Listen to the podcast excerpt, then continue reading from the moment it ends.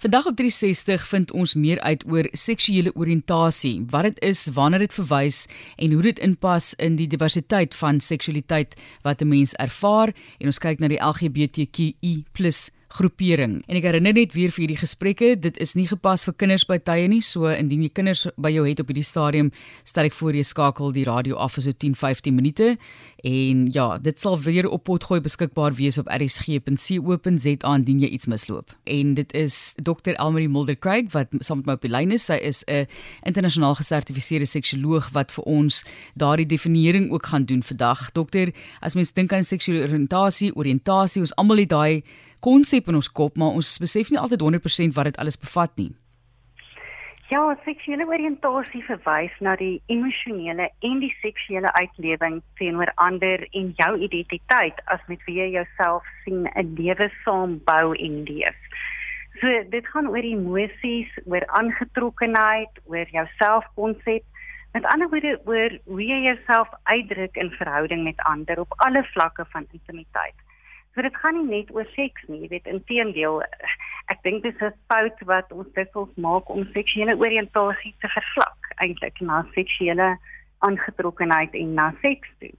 Dit ek wonder baie keer hoekom is ons geneig om na iemand met 'n ander seksuele oriëntasie as onsself te kyk en te wonder hoe hulle seks het. Wonder jy as 'n heteroseksuele mens as jy ander heteroseksuele mense ontmoet wat hulle in hulle slaapkamers doen of wat daar gebeur?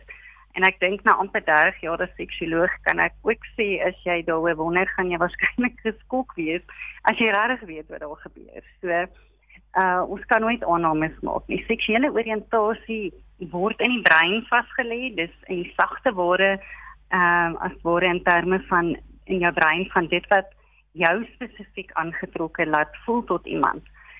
So daar's 'n paar seksuele oriëntasies.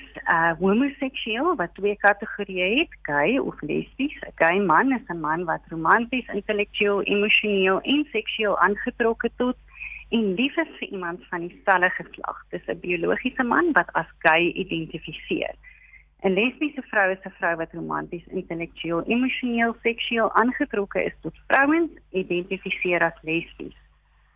Iemand wat heteroseksueel is, identifiseer op alle vlakke van intimiteit en is aangetrokke tot iemand van die teenoorgestelde geslag. So iemand wat as biseksueel identifiseer kan op alle vlakke van intimiteit, ekskuus, hulle self 'n lewe saam sien leef met iemand van dieselfde of iemand van die teenoorgestelde geslag. En dan aseksualiteit, so om aseksueel te wees is ook 'n seksuele oriëntasie onderliggend aan hetero, homo of biseksualiteit en is totaal verskillend van wat ons sou sê hipoaktiewe om hipoaktiewe seksuele begeerte of om bloot 'n lae libido te hê of nie lus te wees om seks te hê met jou huidige maat nie. So aseksualiteit beteken bloot dat iemand wat iemand wat geen seksuele begeerte ervaar tot enige iemand nie. So dit beteken eintlik ook nie dat 'n aseksuele persoon nie van tyd tot tyd kan kies om seks met iemand te hê nie, maar dit sou gewoonlik vir ander redes as seksuele begeerte wees. Soos byvoorbeeld omdat jou maat 'n behoefte aan seks het of on, om nabyheid of intimiteit te ervaar. En dit is ook 'n mite dat 'n aseksuele persoon met wendig seksuele trauma ervaar het en daarom aseksueel is. Dan kan ons ook onderskei tussen iemand wat as monogaam identifiseer of gemaklik is in 'n oop verhouding waarin spesifieke reëls geld en mense wat uh, in aanhalingstekens in Engelse woord polyamorous is 'n polyamorous leefstyl het. So poly of polyamory beteken om op dieselfde tyd vir meer as een persoon eties en in integriteit lief te wees met die toestemming van alle partye betrokke. So dis uh, volwaardige verhoudings op alle vlakke van intimiteit. En dit sou uit soos die mens homself en en is 'n leefstyl en baie verskillend van om 'n vuur te of om nie integriteit op te tree nie. Jy weet die die norm in ons heteronormatiewe samelewing waar monogamie 'n vuur is amper meer algemeen en sosiaal aanvaarbaar, nê. Nee. So ek dink hier is ook iets waar ons onsself so 'n bietjie kan uitdaag en sê maar jy weet hoe verskil hierdie goed. Ek sien ook baie dikwels dat mense wat 'n bietjie ander benadering tot verhouding het as die tipiese eh, monogame verhouding vra hulle self baie meer in diepte vra en het baie meer gesprekke rondom jy weet wat beteken liefde wat beteken verhouding wat is gesonde grense wat gaan jaloesie ensovoorts ensovoorts en ek dink jy weet mense in in monogame verhoudinge kan eintlik baie leer daar om op baie dieper vlakke met mekaar te kommunikeer oor goed wat ons baie keer as vanselfsprekend, jy weet, aanvaar. So hier daag die seksualiteit die die gewone binêre benadering van twee seksuele oriëntasies uit.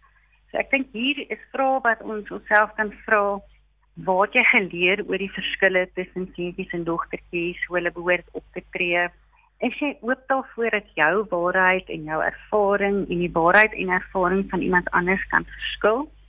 Hoeveel aannames maak jy? Weet wanneer was die eerste keer dat iemand jou gevra het of jy 'n meisie of 'n kerel het?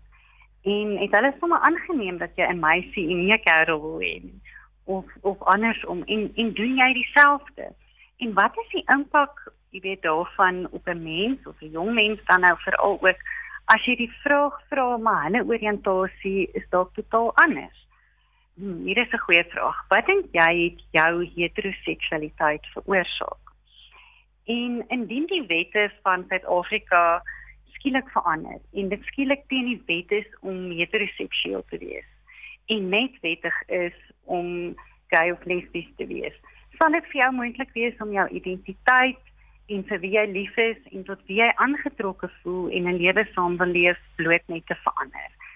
En ek dink hierdie is kern konsepte wat lees en en het, ek dink dit uh, laat ons so 'n bietjie weier dink en dit stretch ons baie keer, maar ek dink dit is nodig om so daaroor te dink sodat ons kan begin verstaan dat mense wat 'n ander ervaring het as ons jy weet hoe hulle dit ervaar of dat dit anders kan wees en dat ons met respek en met ehm um, 'n begrip jy weet met mense kan begin gesels jy weet rondom hierdie goed. En uit hierdie ek wil amper sê benadering van veroordeling en van wat is reg en verkeerd ehm um, daarna kyk soos ek altyd sê dit gaan oor die verkenning, dit gaan oor verstaan en begrip en dit bly so 'n belangrike konsep in hierdie tipe van gesprekke ek in, in terme van enige vorm van gesprek wat ons het in ons samelewing en ons ervaringvelde. So ek dink dit is baie belangrik en ons sê weer eens dankie vir haar vir die inligting vandag Dr. Elmarie Mulder Kruik wat vir ons help